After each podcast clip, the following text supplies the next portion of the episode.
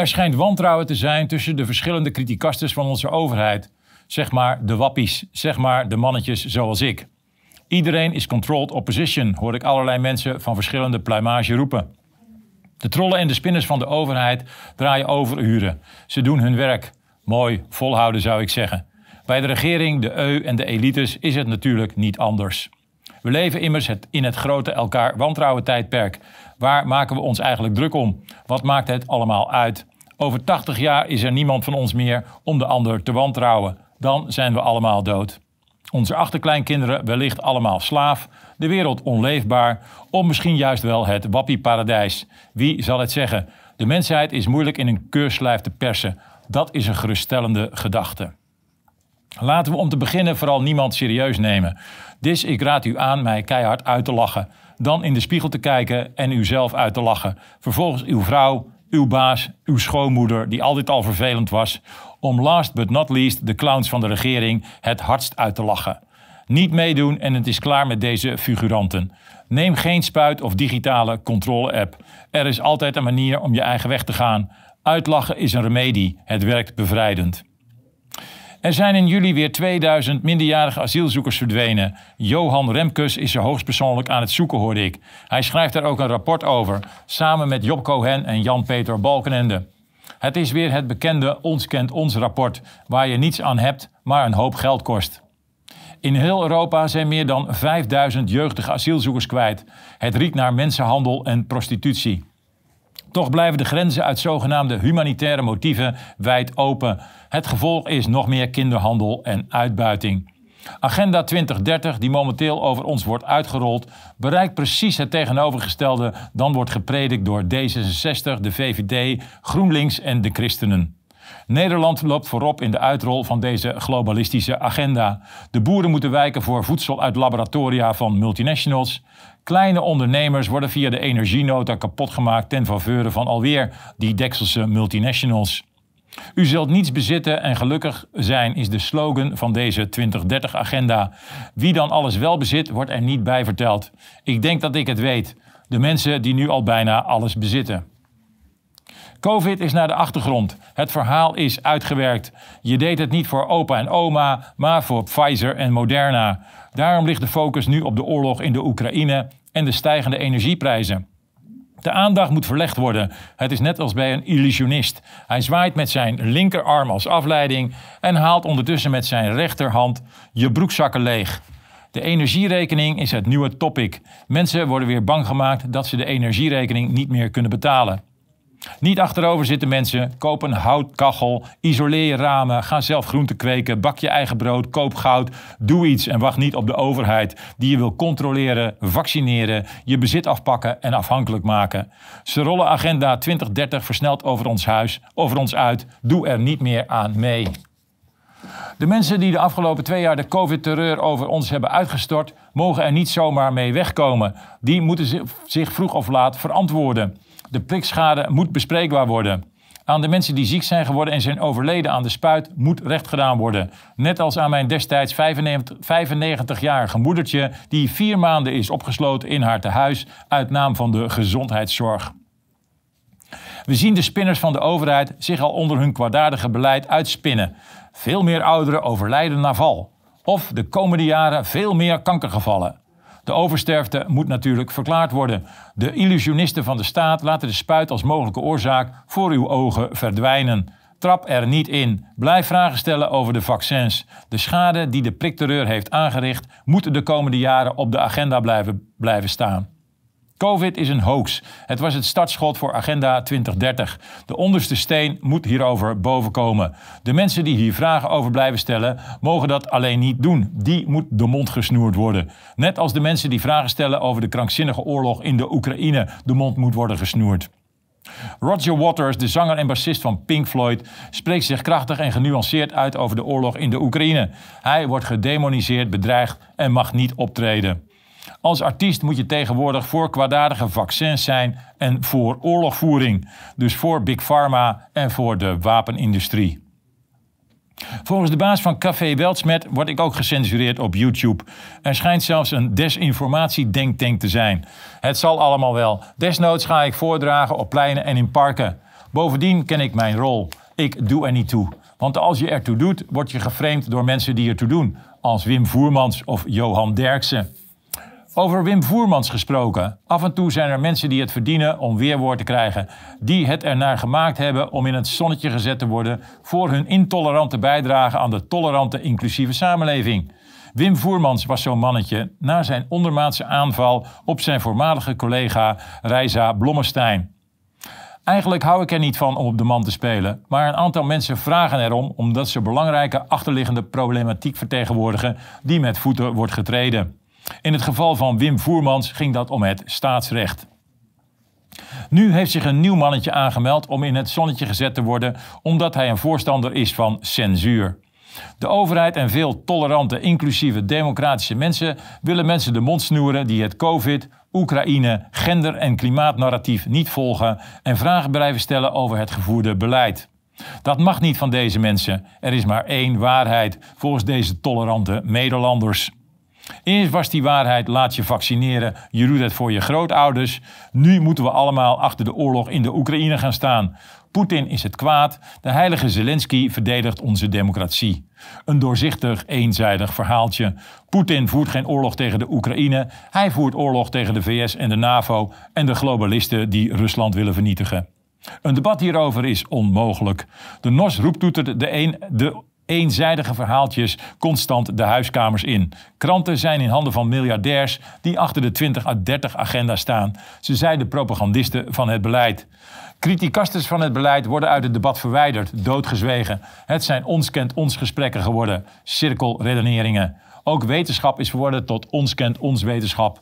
Het is de dood in de pot. De mensen die het beleid steunen zijn intolerante mensen, wolven in schaapskleren, die tolerantie prediken met de, mond, met de mond, maar in de praktijk andersdenkenden de mond willen snoeren. Alleen hun verhaal mag worden gehoord in het debat. Ze gaan stampvoeten als kleine kleuters als hun illusie wordt tegengesproken. Wij van de overheid, de politiek en de media zijn de correcte mensen. Wij hebben de wijsheid in pacht. Wij weten hoe het zit. Mensen die er anders over denken worden gedemoniseerd en weggezet als fascisten, racisten, poedinpoedels, poedels, ultra-rechts klimaatontkenners en in het geval van COVID nog veel erger. Ik werd het eerste jaar uitgemaakt voor moordenaar, omdat ik geen mondkapje droeg en niet de spuit nam. Ongehoord Nederland ligt nu onder vuur. De omroep moet verwijderd worden uit het bestel, horen keurige mensen zeggen als WNL-hoofdredacteur Bert Huisjes en de directeur van KRO NCRV Peter Kuipers. Hele tolerante mensen die jammer genoeg nooit een kritisch geluid hebben laten horen over het destructieve COVID-beleid. De geheime contracten van de staat met Big Pharma, de mondkapjesplicht, de QR-codes die miljoenen mensen uitsloten van de maatschappij, de prikschade enzovoort enzovoort. Alle media volgden trouw het narratief. Over de taak van de journalistiek, de controle van de macht, geen woord van deze brave Hendrikken. Ook politici willen dat On wordt aangepakt en verwijderd uit het bestel. Kennelijk doen ze ertoe, in tegenstelling tot mijzelf. Ze krijgen te veel kijkers, ze doorbreken het narratief. Het zijn echte spelbrekers, net als de nieuwe media. Maar die kunnen worden weggezet als wappies. Dat is bij Ongehoord Nederland natuurlijk veel lastiger. Er zijn altijd meelopers met de macht, ook al is het beleid aantoonbaar fout. Het zijn vaak kleine mannetjes die het blijven faciliteren, die denken dat ze er profijt van hebben, die hun kansen ruiken om er zelf baat bij te hebben. Het zijn de mensen die het corrupte systeem blijven steunen uit domheid of uit eigen belang. Eén zo'n meeloper wil ik hier in het zonnetje zetten. Racistische drek op kosten van de belastingbetaler. Zo omschrijft VVD-Kamerlid Pim van Strien de bijdrage van Ongehoord Nederland. Hij zegt: In het coalitieakkoord hebben we afgesproken dat we op gaan treden tegen desinformatie en nepnieuws. En daar valt de racistische drek die ongehoord Nederland onze huiskamers inpompt via het omroepbestel ook onder. Hij zegt dit bij, bij Goedemorgen Nederland. Het gaat over een opmerking van alweer die Dekselse Reisa Blommestein. Over het feit dat zwarte mensen ook discrimineren en witte mensen in elkaar slaan. Lijkt mij evident. Ook zwarte mensen zijn tenslotte maar mensenmensen. Met dezelfde mensenwensen en dezelfde mensenstreken. Het zijn niet alleen de blanken die dit doen. Ook Chinezen discrimineren en Joden, net als Arabieren, Turken en Duitsers. Wie discrimineert er eigenlijk niet? Misschien kan Johan Remkes er eens onderzoek naar doen en er een dik rapport over schrijven, samen met Job Cohen en Jan-Peter Balkenende. Waarom zijn mannetjes als Pim van Strien eigenlijk zo bang voor ongehoord Nederland? Over de medische drek die ze de laatste twee jaar over Nederland is uitgestort, heb ik onze Pim nooit gehoord. Sterker, de media hebben de allergrootste propagandacampagne uitgevoerd in opdracht van de overheid om mensen in te spuiten met een niet uitgetest vaccin waarvan de gevolgen op de langere termijn niet zijn te overzien. Over de uitsluiting van een paar miljoen mensen die niet de levensgevaarlijke spuit van Big Pharma wilden nemen en zonder QR-code niet mochten deelnemen aan de maatschappij, heb ik onze PIM nooit gehoord. Over discriminatie gesproken. Deze propaganda voor uitsluiting is twee jaar de huiskamers ingeblazen, betaald door de belastingbetaler. Pim is een echte blanke pit. Hij omringt zich met zijn eigen soort, blanke kakkers. Pim heeft op een kostschool in Engeland gezeten. Hij was lid van studentenbeweging Circumflex en het, en het dispuut Ambiorix. Hij is een echte ons kent ons jongen, een blanke bralbal. hey, lullo, heb je nog lekker geneukt, kerel? Daar komt onze Pim vandaan. Dat is zijn achtergrond. Het is maar dat u het weet. Maar Pim neemt de zogenaamde racistische drek hoog op. Pim heeft het goed voor met de wereld en bovendien wil Pim eindelijk wel eens hogerop. Hij is tenslotte al 45. De tijd dringt. Pim wil ertoe doen in het debat. Pim wil zich profileren en daadkracht uitstralen. Aanpakken de mensen die er anders over denken. Wat denken ze wel niet? Pim heeft grote dromen, misschien wel minister-president worden. Zijn vrouw heeft gezegd dat hij het kan. Pim schijnt in zijn huis in de Jordaan al te oefenen. Pim heeft de frontale aanval geopend op Ongehoord Nederland. Een omroep waar ik net lid van ben geworden. Niet omdat ik alles zo leuk vind wat ze zeggen, maar een tegengeluid in het medialandschap is heel belangrijk. Om dezelfde reden ben ik in een grijs verleden jarenlang tientjeslid geweest van de VPRO. Democratie is debat. Pim is een klein mannetje dat in zichzelf is gaan geloven. Hij doet mij een beetje denken aan de fractievoorzitter van de VVD in Rotterdam, Vincent Karremans. Wie herinnert zich deze VVD'er nog? Het was begin 2021, de tijd van de vaccinatiedrang, dwang, de indirecte vaccinatieplicht en dansen met Jansen. Deze Vincent Karremans vergeleek het inspuiten met een vaccin en een daaraan gekoppeld COVID-paspoort met een rijbewijs. Je hebt ook een rijbewijs nodig om te rijden, zei hij aan een van de talkshow-tafels. Terug naar Pim. Hij woont in de Jordaan. Het is zijn wijk, zegt hij in een verkiezingsfilmpje. Hij is voor een overheid die kansen creëert in plaats van barrières opwerpt. In het blitse filmpje zien we Pim door zijn Jordaan lopen. Hij bezoekt de fijne bakker hier, praat met een goede kaasboer daar. Dit is de plek waar ik sport en shop, zegt hij.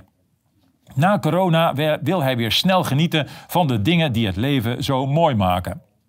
Pim is een echte praatjesmaker, dat zie je zo. Maar praatjes verwarmen geen huizen, Pim.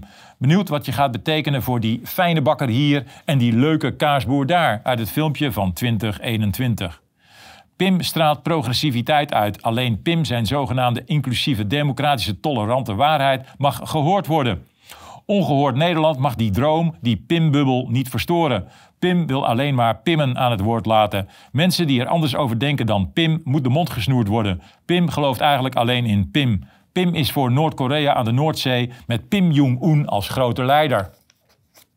Maar laten we Pim niet te belangrijk maken. Het gaat natuurlijk helemaal niet om Pim van Strien. Pim staat symbool voor kleine mannetjes, de gevaarlijke meelopers die intolerante systemen in stand houden en blijven goed praten. Hanna Arendt, waar ik in eerdere columns over sprak, heeft hier interessante boeken over geschreven. Pim mag van mij zeggen wat hij wil, maar dan vraagt Pim om deze vrolijke column.